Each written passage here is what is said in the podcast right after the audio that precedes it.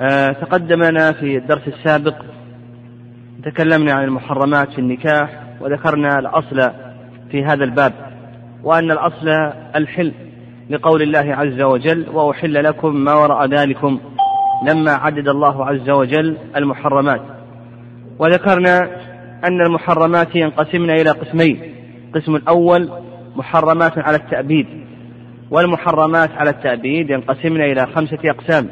محرمات بالنسب وهن السبع اللاتي عددهن الله في سورة النساء ومحرمات بالمصاهرة وهذه أيضا ذكرها الله عز وجل في سورة النساء وهن أربع والقسم الثالث محرمات بالرضاع وهذه نتطرق لأحكام الرضاع فيها في هذا الدرس والقسم الرابع محرمات بسبب اللعان والقسم الخامس محرمات بسبب الاحترام وهن زوجات النبي صلى الله عليه وسلم. وأما القسم الثاني من المحرمات فهن المحرمات على التأقيت يعني إلى أمد ثم يزول. وذكرنا أن المحرمات على التأقيت أيضا ينقسمن إلى قسمين القسم الأول محرمات بسبب الجمع والقسم الثاني محرمات بسبب عارض ثم يزول. والمحرمات بسبب الجمع. هذه بينها الله عز وجل بقوله وأن تجمعوا بين الأختين إلا ما قد سلف. والنبي صلى الله عليه وسلم بقوله لا يجمع بين المرأة وعمتها ولا بين المرأة وخالتها. وأما المحرمات بسبب عارض ثم يزول فهذا يدخل في ذلك المعتدة فإنها محرمة إلى أن تنتهي عدتها كما سبق بيانه. وكذلك أيضا الزانية فإنها محرمة إلى أن تتوب من زناها. وكذلك أيضا المطلقة ثلاثا فإنها لا تحل لزوجها حتى تنكح زوجا غيره. وكذلك أيضا المحرمة فإنها محرمة حتى تحل من إحرامها. وكذلك أيضا الكافرة فإنها محرمة حتى تسلم ما عدا النصرانية أو أو اليهودية. وذكرنا أنها تباح بشروط كما سبق بيانه. وأيضا تكلمنا عن عن حكم نكاح الأمة بالنسبة للحر وأن الأمة آه، للحر لا يجوز له نكاحها محرم عليه نكاحها إلا بشروط ثلاثة. الشرط الأول أن يعجز عن طول الحرة يعني عن مهر الحرة. والشرط الثاني أن يعجز عن ثمن الأمة والشرط الثالث أن يخاف العنت. يعني المشقة آه، فهو بحاجة إما إلى المتعة يعني الانفراد عن الزوجة يشق عليه فهو بحاجة إلى المتعة أو بحاجة إلى الخدمة. وهنا قال المؤلف رحمه الله في تكميل الباب السابق آه، باب المحرمات قال ويجوز أن يملك أختين. يعني ملك اليمين له أن يشتري أختين. لا بأس للإنسان أن يشتري أختين. وله وطء إحداهما فمتى وطئها حرمت أختها حتى تحرم الموطوءة بتزويج أو إخراج عن ملكه ويعلم أنها غير حامل. يعني لا بأس للإنسان أن يشتري أختين من النسب ملك يمين. أن يشتريهما وله أن يطأ إحداهما. فإذا وطئ الصغرى مثلا جامع الصغرى فإن الكبرى تحرم عليه حتى يحرم الموطوءة. إما أن يبيعها وإما أن يزوجها إلى آخره. المهم أنه يخرجها عن ملكه إما ببيع أو اعتاق أو أنه آه، يقوم بتزويجها. بعد أن يستبرئها. ففي هذه الحالة آه، إذا قام بتزويجها أو قام ببيعها أو قام بإعتاقها فإنه لا بأس له آه، أن يطأ أختها مرة أن يطأ الأخت الكبرى. ولا يجوز له أن يطأ الأخرى والثانية في ملكه لم يخرجها عن ملكه لا بتزويج ولا ببيع ولا اعتاق ولا هبة ولا نحو ذلك. لا يجوز له ذلك. لئلا يجمع ماءه في رحم أختين فنقول له أن يملك أختين فإذا أراد أن يطأ إحداهما فله ذلك. يطأ من شاء منهما لكن إذا وطئ إحداهما فإن الأخرى تحرم عليه حتى يخرجها عن ملكه إما بإعتاق أو بيع أو هبة أو تزويج أو نحو ذلك. فإذا أخرجها عن ملكه بما تقدم له أن يطأ الأخرى التي لم يطأ. فلو فرض أنه وطئ الصغرى نقول حرمت عليك الكبرى. حتى تزوج الصغرى تستبرئ حتى تستبرئ الصغرى وتزوجها أو تقوم ببيعها أو تقوم بإعتاقها أو تقوم بهبتها إلى آخره. فإذا أخرجتها عن ملكك بما تقدم فلك أن تطأ آه، الأخت الكبرى. ولهذا قال المؤلف رحمه الله فمتى وطئها حرمت أختها حتى آه، تحرم الموطوءة بتزويج أو إخراج عن ملكه ويعلم ويعلم أنها غير حامل. آه، لأن ملك اليمين استبراؤها يكون بحيضة إن كانت من ذوات الحيض. فإن لم تكن من ذوات الحيض وكانت من ذوات الأشهر فاستبراؤها يكون بشهر. إلا إن كانت حاملا فإن الحمل أم العدد يقضي على كل عدة. فالحامل استبراؤها يكون بوضع كل ما في بطنها. فإذا وطئ الثانية ثم عادت الأولى إلى ملكه لم تحل له حتى آه، تحرم الأخرى. يعني لو أنه وطئ الصغرى وأراد أن يطع الكبرى قلنا له لا بد أن تخرج الصغرى عن ملكك. أخرجها عن ملكه باعها. ثم وطئ الكبرى. ثم بعد ذلك اشترى الصغرى. نقول يحرم عليك أن تطأ الصغرى حتى تخرج الكبرى عن ملكك. ببيع أو هبة أو إعتاق أو تزويج أو نحو ذلك. فإذا كانت عنده الكبرى يجوز له أن يشتري الصغرى. فإذا اشتراها نقول لا يجوز لك أن تطأها حتى تحرم الكبرى بأن تخرجها عن ملكك. إما بتزويج تحرمها بتزويج تزوجها أو أنك تقوم ببيعها أو أنك تقوم بهبتها أو أنك تقوم بإعتاقها ونحو ذلك. قال وعمة الأمة وخالتها في هذا كأختها. يعني لا بأس أن يملك العمة وبنت أخيها. لا بأس أن يجمع في ملك اليمين بين امرأتين لا يجوز الجمع بينهما في النكاح. يعني لا بأس أن يشتري العمة وأن يشتري بنت أخيها. لكن إذا وطئ العمة جامع العمة فإن بنت الأخ لا يجوز له أن يطأها حتى يحرم العمة كما تقدم. فإذا حرم العمة كما تقدم جاز له أن يطأ بنت الأخ. فإذا وطئ بنت الأخ فأراد أن يشتري العمة بعد ذلك له أن يشتريها. لكن لا يجوز له أن يطأها حتى يحرم بنت الأخ. إما بتزويج أو ببيع أو بإعتاق أو هبة إلى آخره. ومثل ذلك أيضا الخالة مع بنت الأخت. يقال ما قيل في الأخت مع الأخت آه، يقال أيضا هذا في الخالة مع بنت الأخت. قال المؤلف رحمه الله فصل وليس للمسلم وإن كان عبدا نكاح أمة كافرة ولا لحر نكاح أمة مسلمة إلا أن لا يجد طول حرة ولا ثمن أمة ويخاف العنت. آه زواج الكافرة تقدم أنه يشترط لزواج الكافرة إذا كانت يهودية أو نصرانية يشترط لذلك شروط. الشرط الأول أن يكون أبواها كتابيين وهذا هو المشهور من مذهب الشافعي ومذهب الإمام أحمد رحمه الله. وقلنا بأن هذا الشرط فيه نظر وأن مذهب أبي حنيفة رحمه الله أن ذلك ليس شرطا. والشرط الثاني اشترطه بعض السلف أنه يشترط في اليهودية أو النصرانية أن تدين بدين اليهود الخالص إن كانت يهودية أو تدين بدين النصارى الخالص إن كانت نصرانية. وقلنا الصواب أن هذا ليس شرطا لأن الله عز وجل ذكر عنهم الشرك. وقالت اليهود عزير بن الله وقالت النصارى المسيح ابن الله. ومع ذلك أحل الله عز وجل دماء طعامهم وأحل نساءهم. اليوم أحيي لكم الطيبات وطعام الذين أوتوا الكتاب حل لكم وطعامكم حل لهم والمحصنات من المؤمنات والمحصنات من الذين أوتوا الكتاب من قبلكم.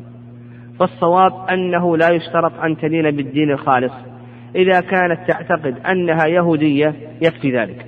وإذا كانت تعتقد أنها نصرانية فإن ذلك كاف. ما لم تعتقد أنها مرتدة وأنها ليست على دين. فإذا كانت تعتقد أنها ليست على دين فإنه لا يجوز نكاحها. قال يشترط في في اليهودية أو النصرانية أن تكون حرة. هذا الشرط الثالث. فإن كانت أمة فإنه لا يجوز نكاحها. حتى ولو كان الذي يريد أن ينكحها رقيقا. حتى ولو كان يريد الذي ينكحها رقيقا فإنه يشترط في اليهودية أو النصرانية أن تكون حرة. وهذا هو الشرط الثالث. الشرط الأول أن يكون أبوها كتابيين. الشرط الثاني أن تدين بالدين الخالص كما تقدم. وهذان الشرطان فيهما نظر. الشرط الثالث أن تكون حرة. الشرط الثالث أن تكون حرة.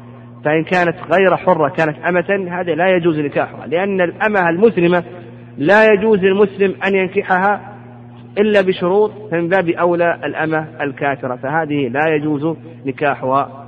الشرط الرابع أن تكون عفيفة. الشرط الرابع أن تكون عفيفة. قال ولا لحر نكاح أمة مسلمة. إلى آخره.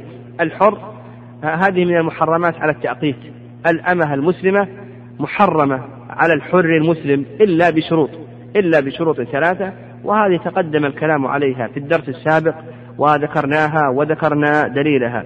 قال وله نكاح أربع إذا كان الشرطان فيه قائمين.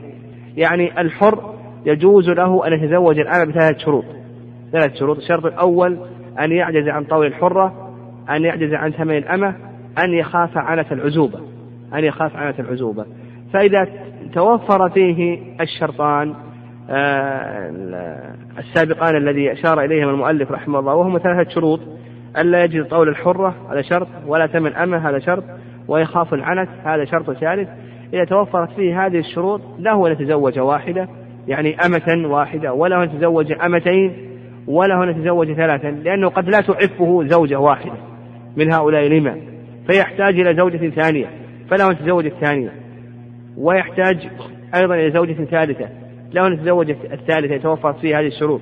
يعني ما يستطيع الطول ما يستطيع طول الحرة. ولا يستطيع ثمن الأمة ولا يستطيع ويخاف عنة العزوبة المشقة. يعني يحتاج إلى متعة آه، ولا يستطيع طول الحرة ولا ثمن الأمة فله أن يتزوج الثالثة والرابعة إلى آخره له أن يتزوج إلى أربع إماء ما دام أن هذه الشروط متوفرة فيه في كل زوجة يتزوجها من هذه الإماء ليس ذلك مقصورا على زوجة واحدة بل الزوجة الأولى من الإماء ينظر هل توفرت فيه هذه الشروط أم لا. فإذا كانت هذه الشروط متوفرة فيه جاز أن يتزوجها. أيضا الزوجة الثانية من الإماء إذا أراد أن يتزوج ثانية. إذا كانت هذه الشروط متوفرة فيه فله أن يتزوجها. أيضا الزوجة الثالثة والرابعة إلى آخره. قال المؤلف رحمه الله كتاب الرضاع. آه، الرضاع في اللغة المص. الرضاع في اللغة المص. وأما في الاصطلاح فهو مص من دون الحولين.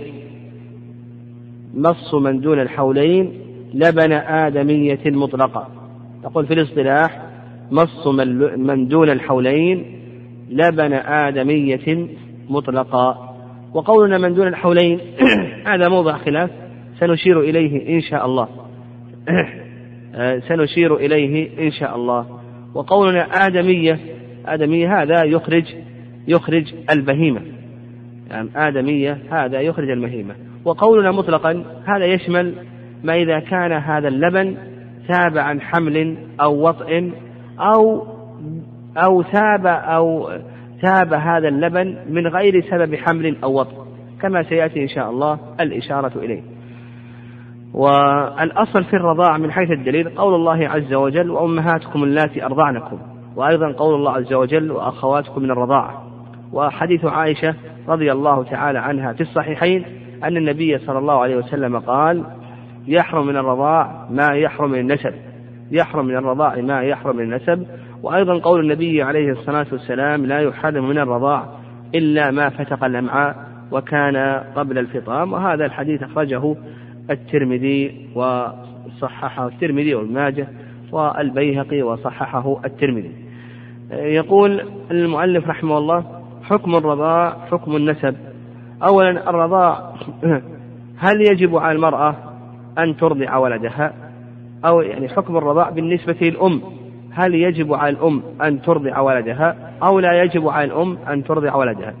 المشهور من مذهب الإمام أحمد رحمه الله أن الأم حتى ولو كانت في حبال الزوج لا يجب عليها أن ترضع ولدها لأن المعقود عليه منفعة الاستمتاع.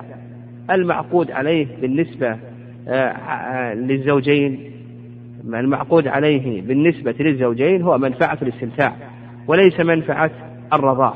فلا يجب على الأم أن ترضع ولدها. والصواب في ذلك الصواب في ذلك أن حكم الرضاع بالنسبة للأم ينقسم إلى قسمين. القسم الأول أن تكون الأم في حبال الزوج. فإذا كانت الأم في حبال الزوج فإنه يجب عليها أن ترضع ولدها. لقول الله عز وجل والوالدات يرضعن أولادهن حولين كاملين وهذا خبر بمعنى الأمر أي ليرضعن أولادهن حولين كاملين. القسم الثاني أن تكون الأم ليست في حبال الزوج يعني بأن حصل بين الزوجين طلاق أو فسخ أو خلع أو غير ذلك من أسباب الفرقة. فإذا كانت الأم ليست في حبال الزوج فإنه لا يجب عليها أن ترضع ولدها ولها أن تطالب أبا الولد بالأجرة. لا أن تطالبه بالأجرة ولا أن ترفض إرضاع هذا الولد. لقول الله عز وجل وإن تعاسرتم فسترضع له أخرى. فالصواب في حكم الرضاع بالنسبة للأم أنه ينقسم إلى هذين القسمين. كانت في حبال الزوج يجب عليها أن ترضع لما تقدم من الدليل. وإن كانت ليست في حبال الزوج فإنه لا يجب عليها أن ترضع ولدها لما تقدم من الدليل. قال المؤلف رحمه الله حكم الرضاع حكم النسب في التحريم والمحرمية. آه، آه، فمتى أرضعت المرأة طفلا صار ابنا لها وللرجل الذي ثاب اللبن بوطئه فيحرم عليه كل من يحرم على ابنها من النسب. وإن أرضعت طفلة صارت بنتا لهما تحرم على كل من تحرم عليه ابنتهما من النسب لقول رسول الله صلى الله عليه وسلم يحرم من الرضاعة ما يحرم من النسب. آه، بالنسبة لانتشار التحريم في الرضاع كيف ينتشر التحريم في الرضاع؟ نقول القاعدة في ذلك القاعدة في ذلك أن عندنا مرضعة وعندنا صاحب لبن وعندنا مرتضع. انتبه إلى إلى إلى هذه القاعدة هذا الضابط وتستريح تعرف كيف انتشر التحريم؟ بالنسبة لصاحب اللبن وكيف انتشر التحريم بالنسبة للمرضعة وكيف انتشر التحريم أيضا بالنسبة للمرتضع. فنقول بالنسبة لصاحب اللبن ينتشر التحريم بالنسبة له إلى أصوله إلى أصوله وإلى فروعه وإلى حواشيه. يعني إلى أعمامه وعماته وإخوانه وأخواته دون فروعهم. فصاحب اللبن يعني الزوج مثلا إذا أرضعت زوجته الزوج أو السيد إذا أرضعت زوجته أو أمته طفلا كيف ينتشر التحريم بالنسبة لصاحب اللبن؟ نقول ينتشر إلى أصوله مطلقا وإن علا وينتشر يعني إلى أصوله الذكور والإناث مطلقا وإن علا وينتشر إلى فروعه إلى أبنائه وبناته وإن نزلوا. وينتشر إلى حواشيه إلى إخوته وأعمامه دون فروعهم دون أولاد إخوته وأولاد أخواته وأولاد أعمامه وأولاد عماته. هذا بالنسبة لصاحب اللبن. بالنسبة للمرضعة أيضا ينتشر إلى أصولها. الذكور والإناث مطلقا وإن علوا. وينتشر أيضا إلى فروعها الذكور والإناث وإن نزلوا. وينتشر أيضا إلى حواشيها دون فروعهم دون فروعهم. فينتشر إلى إخوتها وأخواتها وعماتها وأعمامها دون فروعهم. فالمرضعة وصاحب اللبن ينتشر إلى أصولهم وفروعهم وحواشيهم دون فروع الحواشي. بالنسبة للمرتضع الطفل ينتشر فقط إلى فروعه وإن نزلوا ولا ينتشر إلى أصوله التحريم لا ينتشر إلى أصوله ولا ينتشر إلى حواشيه. لا ينتشر إلى حواشيه. أضرب لذلك أمثلة. قلنا بالنسبة لصاحب اللبن ينتشر إلى أصوله وإلى فروعه وإلى حواشيه دون فروعهم. فلو كان المرتضع طفلا لو كان المرتضع طفلا فهل يجوز لهذا الطفل أن يتزوج أم صاحب اللبن أو لا يجوز؟ نقول لا يجوز لأنه وش تكون لها أم صاحب اللبن؟ لا تكون جدة تكون جدة له. لا يجوز له أن يتزوج أم صاحب اللبن. طيب لو كان المرتضع طفلة فهل لأبي صاحب اللبن أن يتزوج هذه الطفلة؟ نقول لا يجوز له أن يتزوج هذه الطفلة لأن هذه الطفلة تكون ابنة ابنه من الرضاع يكون هو جدا لها فينتشر إلى أصوله ينتشر إلى فروعه.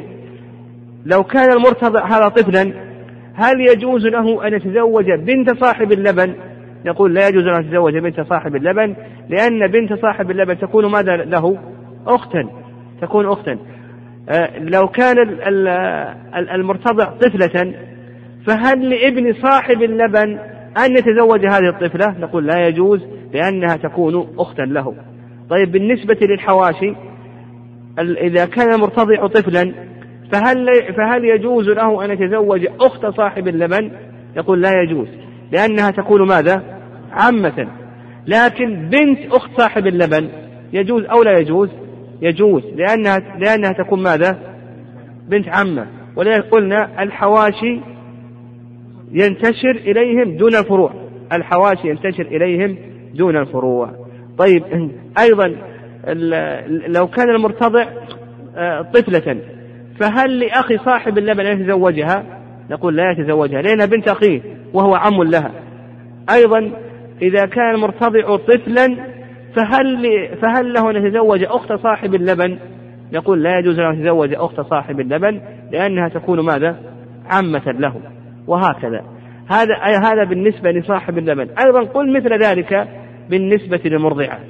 بالنسبة للمرضعة، فلو كان المرتضع طفلا إذا كان المرتضع طفلا فليس له أن يتزوج آه، أم المرضعة لأنها تكون جدة له آه، إذا كان المرتضع آه، طفلة فليس لأبي لأبي المرضعة أن يتزوج هذه الطفلة لأنه يكون ماذا؟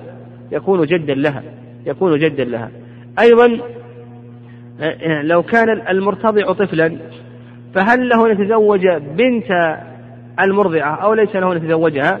نقول ليس له أن يتزوجها لأن بنت المرضعة تكون ماذا؟ أختا له.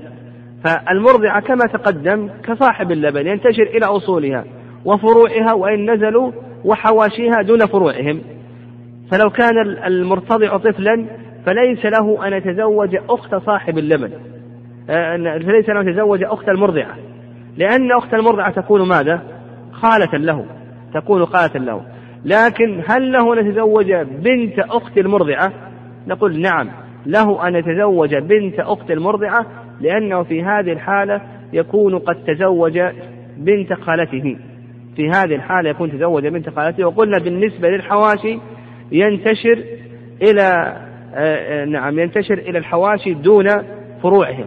بالنسبة للمرضعة ينتشر إلى حواشيها إلى أعمامها إلى آه، إخوانها إلى أخواتها دون فروعهم فلا ينتشر إليهم التحريم.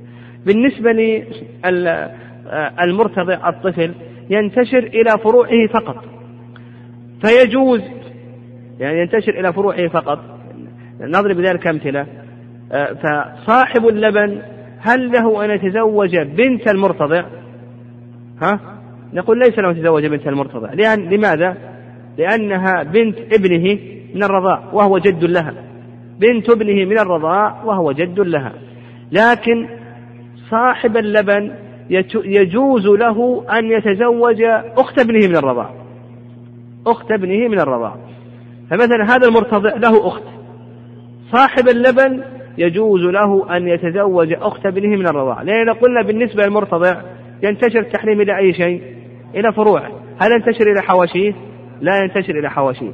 فيجوز لصاحب اللبن أن يتزوج أخت ابنه من الرضاع. يجوز لصاحب اللبن أن يتزوج أم ابنه من الرضاع. أم ابنه من الرضاع يجوز له أن يتزوجها. فلو أن هذا الطفل رضع من لبنه وشرب من لبنه فإنه يجوز لصاحب اللبن أن يتزوج أمه لأن أمه أجنبية منه. وقلنا بالنسبة للمرتضع ينتشر إلى فروعه فقط ولا ينتشر إلى أصوله ولا ينتشر إلى حواشيه. أيضا يجوز لابن صاحب اللبن أن يتزوج أم المرتضع من الرضاع. ويجوز لابن صاحب اللبن أن يتزوج أخت المرتضع. أخت المرتضع يجوز له أن يتزوجها. لأننا قلنا بالنسبة للمرتضع لا ينتشر لا إلى أصوله ولا إلى ولا إلى فروعه وإنما ينتشر فقط آه، المرتضع لا ينتشر إلى أصوله ولا إلى حواشيه وإنما ينتشر إلى فروعه فقط. ينتشر إلى فروعه فقط. أنت إذا فهمت هذا الضابط يعني طبق عليه ما شئت من الأمثلة وهذا يحصر لك باب الرضاع. يعني باب الرضاع كل باب الرضاع الذي يذكره العلماء رحمه الله ينبني على هذا الضابط وأيضا ينبني على شروط الرضاعة التي سنشير إليها إن شاء الله. آه، هذا معنى قول المؤلف رحمه الله حكم الرضاع حكم النسب في التحريم والمحرمية. طيب الأحكام المترتبة على الرضاع ما هي الأحكام المترتبة على الرضاع؟ نقول الأحكام المترتبة على الرضاع التحريم حرمة النكاح حرمة النكاح. فالمرتضع مثلا لا يجوز له أن يتزوج أخت المرضعة. الطفل هذا لا يجوز أن يتزوج أخت المرضعة لأنه ينتشر آه، التحريم بالنسبة للمرضعة إلى حواشيها. لا يجوز أيضا للمرتضع أن يتزوج أم المرضعة لأنها تكون جدته إلى آخره كما تقدم في التحريم ضابط التحريم. هذا الحكم الأول. الحكم الأول تحريم النكاح. الحكم الثاني المحرمية. أيضا يكون محرما. فإذا رضع من امرأة يكون محرما لهذه المرأة يكون محرما لأمها لأن أمها تحرم عليه. يكون محرما لأختها لأن أختها تحرم عليه فهي خالته من الرضاع. يكون آه، محرما لابنتها لأن ابنتها تحرم عليه فهي أخته من الرضاع. هذا الأمر الثاني. الأمر الثاني الأول المحرمية والثاني الأول الحرمة والثاني المحرمية. المحرمية في السفر. الثالث النظر. لا بأس. لا بأس أن ينظر إلى أمه من الرضاع ينظر إلى أخته من الرضاع ينظر إلى جدته من الرضاع إلى عمته من الرضاع إلى خالته من الرضاع إلى آخره. الرابع الخلوة. لا بأس أن يخلو بأمه من الرضاع أن يخلو بأخته من الرضاع بجدته من الرضاع إلى آخره. هذه الأحكام الأربعة المترتبة على النكاح. وأشار المؤلف رحمه الله إلى حكمين. قال وإن أرضعت طفلة صار صارت بنتا لهما تحرم على كل من تحرم عليه ابنتهما من النسب لقول رسول الله صلى الله عليه وسلم يحرم آه، يحرم أو يحرم من الرضاعة ما يحرم من النسب والمحرم من الرضاع ما دخل الحلق من اللبن سواء دخل بارتضاع من الثدي أو وجور أو سقوط محضا كان أو مشوبا إذا لم يستهلك. أشار المؤلف رحمه الله إلى الشرط الأول. الشرط الأول من شروط المحرمية أو من شروط الرضاع المحرم. أن يدخل إلى الجوف من منفذ معتاد أن يدخل أن يدخل اللبن إلى الجوف من منفذ معتاد والمنفذ المعتاد منفذان. إما الفم وإما الأنف. الفم هذا ظاهر أنه منفذ معتاد الأنف ما هو ادعاء أنه منفذ معتاد الدليل على أنه منفذ معتاد قول النبي صلى الله عليه وسلم في حديث لقيط بن صبرة وبالغ في الاستنشاق إلا أن تكون صائما إلا أن تكون صائم لا تبالغ في الاستنشاق. فهذا دليل على أن الأنف منفذ إلى الجوف منفذ إلى الجوف. فإذا نفذ اللبن عن طريق الفم أو عن طريق الأنف إلى الجوف فإنه محرم وينشر الحرمة. هذا الشرط الأول. الشرط الأول أن ينفذ اللبن عن طريق معتاد والطريق المعتاد إما أن يكون الفم وإما أن يكون الأنف. قال آه، وجور أو صعود. الصعود ما يكون عن طريق الأنف. الوجور آه، الوجور ما يكون عن طريق الفم. يعني يعطى سواء أخذه عن طريق المباشرة يعني التقم الطفل الثدي أو أخذه بإناء شربه بإناء أو شربه عن طريق الأنبوب.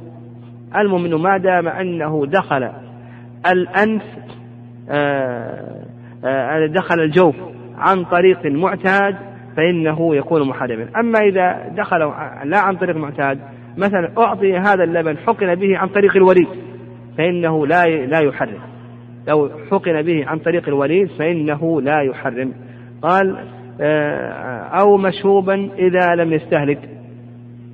يعني هذا اللبن المحرم سواء أخذه وهو سائل أو أخذه وهو غير سائل. حتى ولو كان اللبن آه، جعل جبنا أو جعل أقطا وأكله هذا الطفل. يعني جبن وأكله هذا الطفل جبن هذا اللبن أو كان نقطا أقطا أقط يعني جمد هذا اللبن وأكله هذا الطفل فإنه محرم. آه، وأيضا حتى ولو خلط اللبن بشيء آخر. يعني لو أن هذا اللبن أخرجته المرأة من ثديها وخلط بماء خلط بماء فإنه محرم. ما دام اسم اللبن فيه ما دام اسم اللبن يعني خصائص اللبن ما دامت أنها موجودة. أما إذا استهلك اللبن وأصبح وجوده كعدمه فإنه لا يحرم. أما إذا كان اسم اللبن موجودا فيه فإنه يكون محرما. أما إذا استهلك يعني خلط وفني من الخلط بحيث أصبح وجوده كعدمه فإنه لا يحرم في هذه الحال. فنقول الشرط الأول أن يكون نافذا من منفذ معتاد. الشرط الثاني أن يكون لبن آدميا الشرط الثاني أن يكون لبن آدمية. وعلى هذا إذا كان لبن بهيمة فإنه لا يحرم وهذا بالإجماع. لقول الله عز وجل والوالدات يرضعن أولادهن حولين كاملين. وهذا إنما هو في الآدميات. يعني هذا في الآدميات. الشرط الثالث الشرط الثالث قال المؤلف رحمه الله ولا يحرم إلا بشروط ثلاثة أن يكون لبن امرأة بكرا كانت أو ثيبا في حياتها أو بعد موتها فأما لبن البهيمة أو الرجل أو الخنثى المشكل فلا يحرم شيء وهذا بالإجماع. على أن هذه الأشياء لا تحرم لبن البهيمة بالإجماع على أنه ليس محرما. آه، لبن الرجل أو لبن الخنثى يعني هذه بالإجماع يعني بالنسبة لرجل للبن الرجل أيضا هذا بالإجماع على أنه ليس محرم. لبن الخنثى الخنثى المشكل هذا يحتمل أن يكون رجلا ويحتمل أن يكون امرأة والأصل عدم التحريم. فالشرط الثاني أن يكون لبن آدمية كما سبق الإشارة إليه. الشرط الثالث قال المؤلف أن يكون في الحولين لقول رسول الله صلى الله عليه وسلم لا يحرم من الرضاع إلا ما فتق الأمعاء. هذا ليس صريحا هذا الاستدلال ليس صريحا فيما ذهب إليه المؤلف رحمه الله تعالى من اشتراط الحولين. لكن دل على ذلك قول الله عز وجل والوالدات يرضعن أولادهن حولين كاملين. فدل ذلك على أن مدة الرضاعة هي حولان كاملان. وأيضا قول النبي عليه الصلاة والسلام في حديث ابن عباس لا رضاع إلا ما كان في الحولين. لا رضاع إلا ما كان في الحولين. هذا حديث ابن عباس رضي الله تعالى عنهما. أخرجه الدار قطني وصححه جمع من أهل العلم منهم ابن القيم رحمه الله. وكذلك أيضا هو ثابت عن طائفة من الصحابة رضي الله تعالى عنهم. ثابت أنه يشترط أن يكون في الحولين عن عمر. وعمر رضي الله تعالى عنه له سنة متبعة وثابت أيضا عن ابن عمر وكذلك أيضا عن ابن عباس وعن أبي هريرة وكذلك أيضا عن ابن مسعود فهو ثابت عن جمع من الصحابة. عن عمر وابن عمر بن عباس وأبي هريرة وابن مسعود أن المحرم ما كان في الحولين فقط. نعم وهذا مذهب الإمام الشافعي رحمه الله وكذلك أيضا آه، مذهب آه، الإمام أحمد رحمه الله. مذهب أبي حنيفة قريب من مذهب الشافعي يقول ثلاثون شهرا فهو يزيد ستة أشهر. يزيد ستة أشهر. آه، يعني يقول ثلاثون أشهر ثلاثون شهرا يزيد أشهر فقط. الشا... الإمام مالك رحمه الله أيضا يقول في الحولين وما قارب الحولين. يعني يقول التحريم في الحولين يعني الأمور يسيرة يعني مثلا لو رضع أكمل الرضعات بعد الحولين أو بدأ يرضع بعد الحولين. إذا كانت المدة أيام يسيرة عند الإمام مالك رحمه الله يعني كشهر يعني استمر يرضع بعد الحولين كشهر أو شهرين فهذه يعفى فيها عند الإمام مالك رحمه الله ويرى أنه محرم. فمثلا لو تم له أربعة وعشرين شهرا ثم رضع بعد الأربع والعشرين شهرا بعد الحولين فيرى الإمام مالك رحمه الله أنه محرم ما دام أن الأمة المدة يسيرة كشهر أو شهرين. لكن عند أحمد الشافعي أنه لا يحرم. القول الأخير قول شيخ الإسلام تيمية رحمه الله أن هذا لا يحدد بالسن وإنما يحدد بالحال. فيقول إن فطم إن فطم الطفل فإن رضاعه بعد ذلك لا يحرم وإن لم يفطم فإنه يحرم ولو كان ذلك بعد الحولين. فلو أن طفلا يرضع من أمه ولم يفطن وتجاوز الحولين ثم أخذته امرأة وأرضعت وهو لا يزال لم يفطن. بعد الحولين فإن شيخ الإسلام تيمية رحمه الله يرى أنه محرم. واستدل على ذلك بما أورده المؤلف رحمه الله؟ أن النبي صلى الله عليه وسلم قال لا يحرم من الرضاع إلا ما فتق الأمعاء وكان قبل الفطام.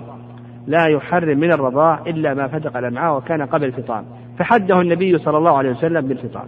وأقرب هذه الأقوال أقرب هذه الأقوال وأضبطها يعني أضبطها هو ما ذهب إليه الإمام أحمد رحمه الله وكذلك أيضا الشافعي وأن ذلك مقيد بالحولين لورود ذلك عن الصحابة رضي الله تعالى عنهم. وأما ما استدل به شيخ الإسلام تيمية رحمه الله من قوله لا يحرم من الرضاع إلا ما حدق الأمعاء وكان قبل الفطام فهذا يحتمل يعني هذا يحتمل أن يكون ذلك في الحولين أن يكون ذلك في الحولين فقط. فالأقرب والأضبط للناس آه، أن يكون في الحولين. قال الشرط الرابع أن يرتضع خمس رضعات. لقول عائشة أنزل في القرآن عشر رضعات يحرم فنسخ من ذلك خمس فصار إلى خمس رضعات معلومات يحرم فتوفي رسول الله صلى الله عليه وسلم والأمر على ذلك. يعني هذا هو المشهور مذهب الإمام أحمد ومذهب الشافعي أنه لا بد من خمس رضعات. لا بد يعني لا يحرم إلا خمس رضعات. عند أبي حنيفة ومالك أن قليل الرضاع وكثيره محرم. حتى لو رضع رضعة واحدة أو رضعتين لا يحد بخمس رضعات. والمالكية والحنفية الحنفية استدلوا بأدلة من ذلك العمومات كقول الله عز وجل وأمهاتكم اللاتي أرضعنكم وقوله سبحانه وأخواتكم من الرضاعة وهذا يشمل القليل والكثير. وأيضا حديث عقبة بن حارث حديث عقبة بن حارث رضي الله تعالى عنه أنه تزوج آه، تزوج امرأة فأتت أمة فذكرت له أنها قد أرضعتهما.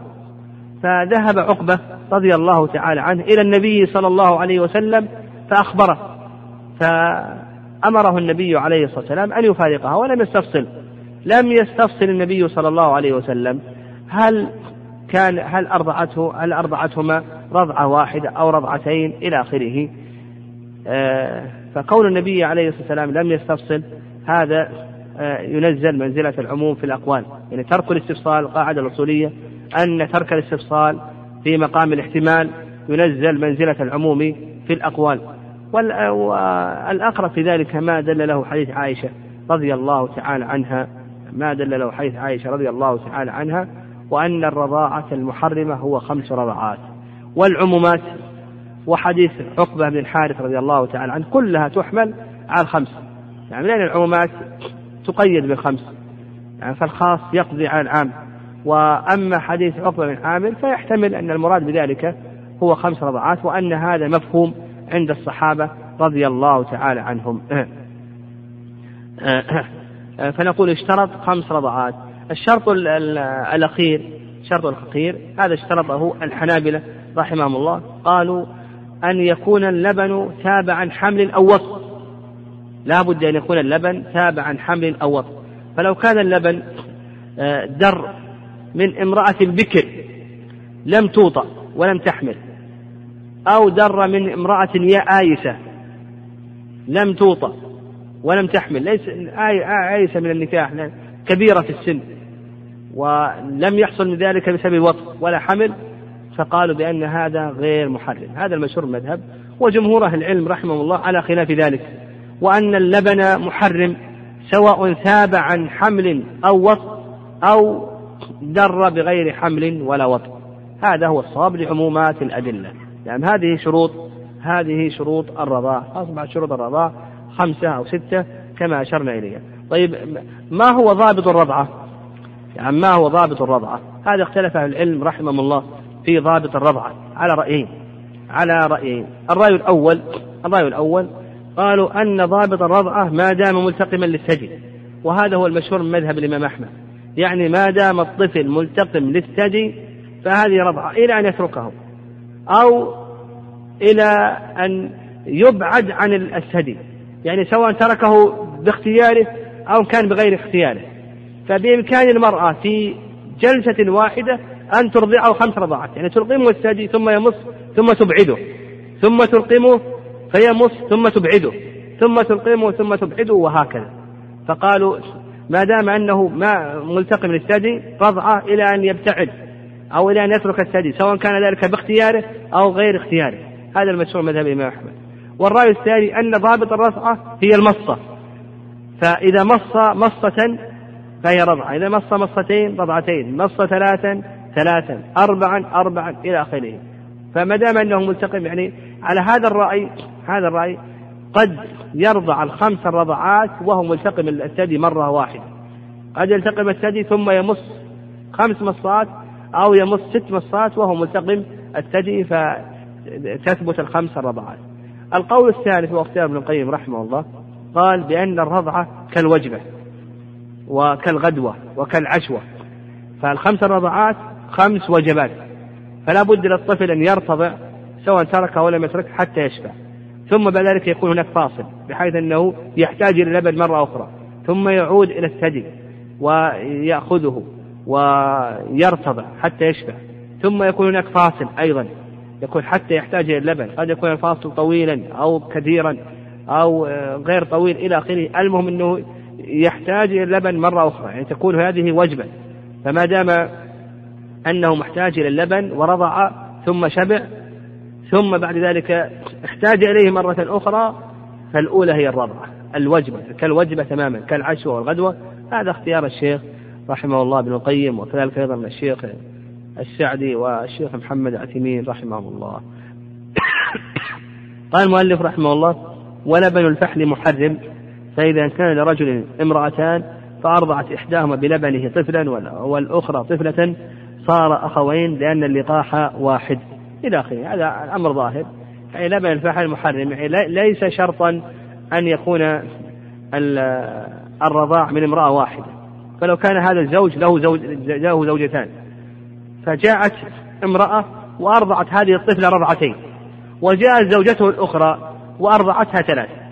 فهذا هذا الطفل الذي رضع من الزوجة الأولى رضعتين ورضع من المرأة الثانية ثلاث رضعات يكون ابنا لصاحب اللبن للزوج ولا يكون ابنا للزوجة الأولى لأنها لم ترضعه خمس رضعات ولا يكون ابنا للزوجة الثانية لأنها لم ترضعه خمس رضعات وإنما يكون ابنا للزوج لصاحب اللبن. فصاحب اللبن توفر فيه الشرط خمس رضعات أما الزوجة الأولى لم يتوفر فيها الشرط وكذلك أيضا الزوجة الثانية لم يتوفر فيها الشرط. بقي علينا في كتاب النكاح مسألة في كتاب الرضاع مسألة وهي رضاع الكبير. نحن اشترطنا وذكرنا من شروط صحة الرضاع أن يكون في الحولين أن يكون في الحولين. بقينا في رضاع الكبير. هل رضاع الكبير محرم أو ليس محرما؟ هذا موضع خلاف. جمهور أهل العلم أن رضاع الكبير غير محرم. يعني لو كان الإنسان له خمس سنوات أو عشر سنوات أو عشرون سنة فهل رضاعه محرم أو ليس محرما؟ جمهور أهل العلم أن رضاع الكبير غير محرم. وعند الظاهرية عند الظاهرية أن رضاع الكبير محرم. وكل كل له دليل. أما الذين قالوا بأنه آه، لا يحرم رأي جمهور أهل العلم قالوا بأنه لا يحرم استدلوا بالأدلة الدالة على أن الرضاع إنما يكون في الحولين. كما تقدم كما تقدم من قول النبي عليه الصلاة والسلام في حديث ابن عباس رضي الله تعالى عنهما لا رضاع إلا ما كان في الحولين. لا رضاع إلا ما كان في الحولين. أما الذين قالوا بأنه محرم فاستدلوا بقصة سالم مولى أبي حذيفة. فإن سهيلة زوجة أبي, أبي حذيفة أتت النبي صلى الله عليه وسلم فقالت يا رسول الله إن سالما بلغ مبلغ الرجال وأنه يشق عليها أن تحتجب منه. فقال النبي صلى الله عليه وسلم أرضعيه تحرمي عليه. فقالت يا رسول الله إيه فقالت يا رسول الله إنه كبير. فضحك النبي عليه الصلاة والسلام وقال قد علمت إنه كبير. قد علمت إنه كبير. وفي بعض الألفاظ أن له لحية أن سالما له لحية. ومع ذلك قال النبي عليه الصلاة والسلام أرضعيه تحرم عليه. هذا قول النبي عليه الصلاة والسلام أرضعيه تحرم عليه. اختلف أهل العلم رحمه الله في توجيه الحديث. هل هو خاص خصوصية عين؟ أو خاص خصوصية حال. على رأيين جمهور أهل العلم أن قصة سالم مولى أبي حذيفة خاصة خصوصية عين. يعني أن هذه الواقعة خاصة بسالم مولى أبي حذيفة رضي الله تعالى عنه ولا تتعداه لا تتعدى سالم مولى أبي حذيفة إلى غيره. وعند شيخ الإسلام تيمية رحمه الله أن هذه ليست خاصة خصوصية عين وإنما هي خاصة خصوصية حال. بمعنى أن كل من كانت حاله كحال سالم مولى أبي حذيفة رضي الله تعالى عنه فإن فإن الرضاعة في حقه ينشر آه، المحرمية. الرضاع في حقه ينشر المحرمية. يعني فيقول بأن الخصوصية هذه ليست خصوصية عين وإنما هي خصوصية حال. هذا اختيار شيخ الإسلام تيمية رحمه الله ودليله على ذلك يقول بأن الشرع لا ينزل لأحد الناس بأعيانهم وإنما هو عام لكل الناس إلى قيام الساعة. فلا ينزل الشرع لأجل سالم مولى أبي حذيفة بعينه وإنما كل من كان مشابها لسالم مولى أبي حذيفة في حالته فإن رضاعه ينشر المحرمية. آه، بقينا في التفريعات اللي ذكر المؤلف رحمه الله. هذه تنبني على ما تقدم آه، ذكره من الأحكام والضوابط. والشروط التي أشرنا إليها. قال المؤلف رحمه الله باب نكاح باب نكاح الكفار. قال لا يحل لمسلم أو لا يحل لمسلمة نكاح كافر بحال ولا لمسلم نكاح كافرة إلا الحرة الكتابية. قوله باب نكاح الكفار الكفار يراد بهم أهل الكتاب اليهود والنصارى والمجوس والوثنيين إلى آخره.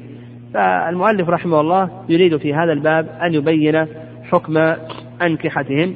قال لا يحل لمسلمة نكاح كافر بحال.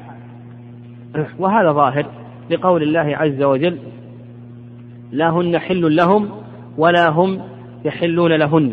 لا هن حل لهم ولا هم يحلون لهن. فالكافر لا يجوز له أن يتزوج مسلمة بحال. وقول الله عز وجل ولا تنكحوا المشركين.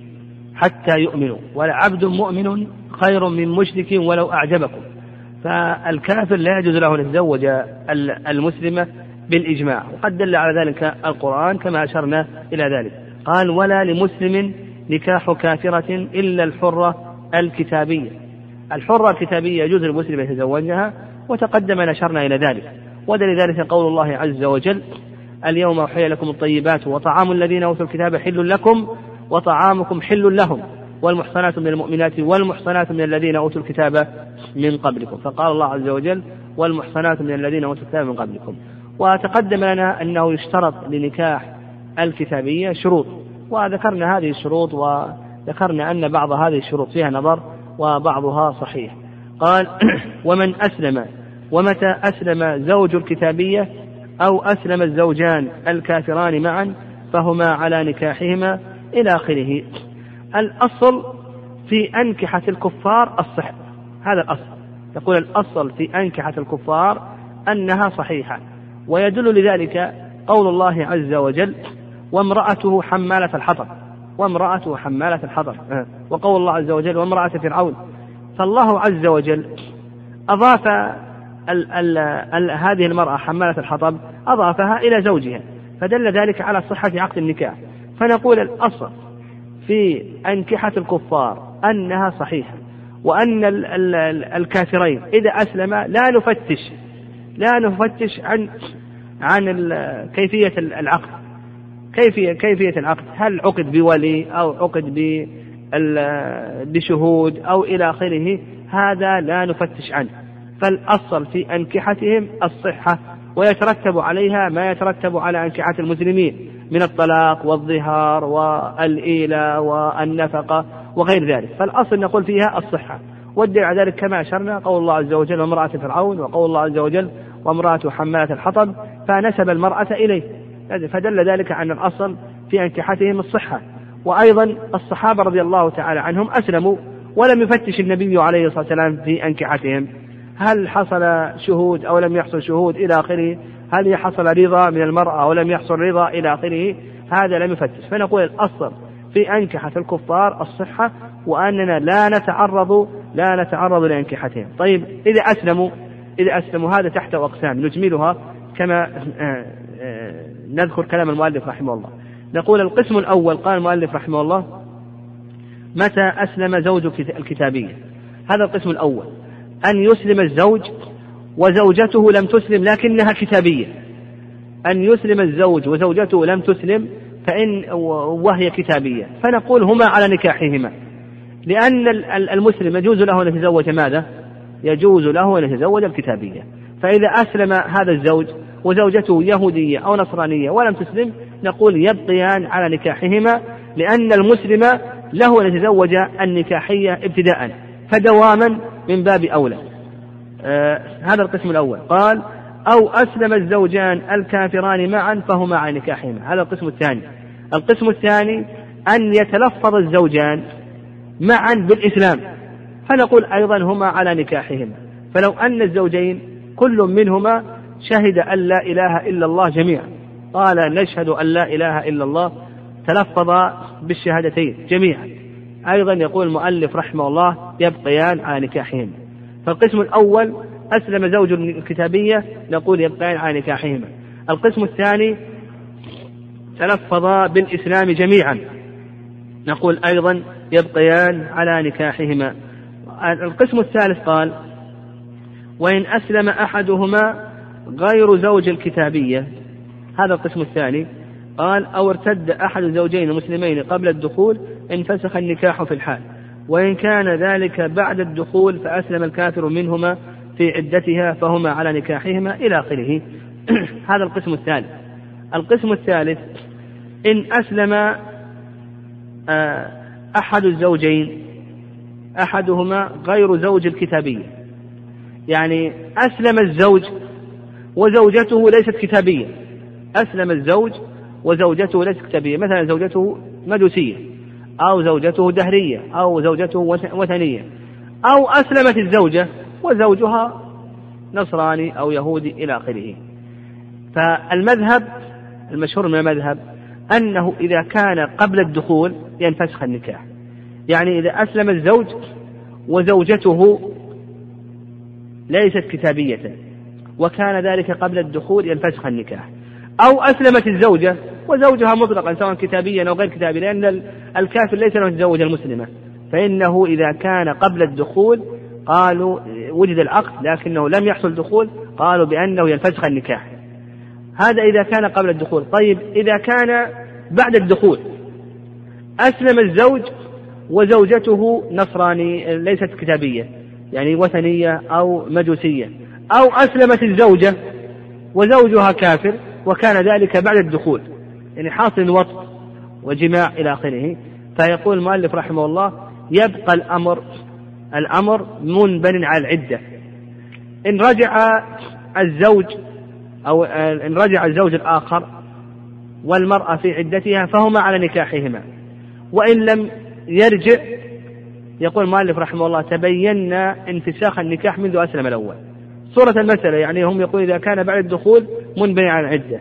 صورة المسألة أو مثال المسألة هذه امرأة أسلمت زوجها لم يسلم وكان ذلك بعد الدخول. قبل الدخول ينفسخ مجرد الإسلام لكن بعد الدخول نقول الأمر متوقف على انقضاء العدة. أسلم الزوج أسلمت الزوجة وزوجها لم يسلم. نقول أنت في العدة أنت في العدة ما دمت في العدة مثلا إذا كانت تحيض آه، آه، عدتها الحيض. إذا كانت لا تحيض عدتها الأشهر إذا كانت حامل عدتها وضع الحمل. ما دامت في العدة إن أسلم الزوج فهم على نكاحهما انتهت العدة ولم يسلم الزوج. يقول المؤلف رحمه الله ينفسخ النكاح. يقول تبينا أن النكاح انفسخ منذ أسلم الزوجة لأن هي اللي سابقة بالإسلام. فيقول إذا كان إذا كان بعد الدخول الأمر متوقف على انقضاء العدة. فنقول للمرأة تنتظرين. في العدة. إن أسلم الزوج فأنتم على نكاحكم على نكاحكما انتهت العدة عدة المرأة.